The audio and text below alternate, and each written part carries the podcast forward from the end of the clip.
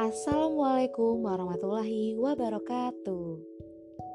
Di bulan yang suci ini Dan kalian gak lupa kan Hari ini adalah hari terakhir di bulan Ramadan.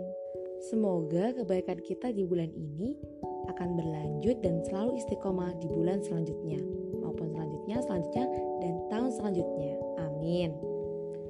Dan tentunya buat teman-teman saya mengucapkan minal aizin wal faizin, mohon maaf lahir dan batin ya.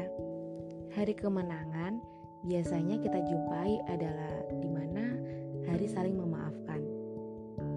Tidak lain dengan kita memaafkan orang lain. Jangan lupa, kita harus memaafkan diri kita sendiri. Bukan begitu?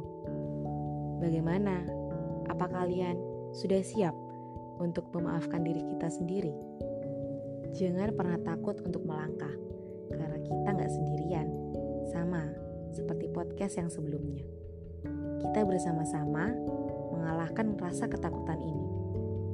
Yuk, buka lembaran baru dan hiasi warna-warni. Kita bisa. Buang rasa sedih kalian. Buang rasa sedih, rasa cemas, rasa takut. Karena itu semua nothing.